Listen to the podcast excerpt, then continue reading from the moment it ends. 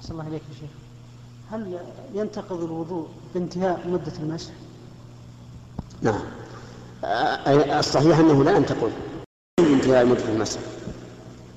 يعني مثلا لو كانت تنتهي مدة المسح الساعة الثانية عشرة وبقيت على طهارتك إلى الليل فأنت على طهارتك. وذلك لأنه ليس هناك دليل على انتقاض الوضوء بانتهاء مدة المسح.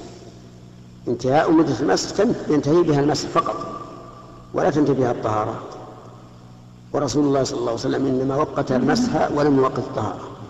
وهذه قاعدة ينبغي لطالب العلم أن ينتبه لها. ما ثبت بدليل شرعي فإنه لا يرتفع إلا بدليل شرعي لأن الأصل بقى مكان على مكان. نعم.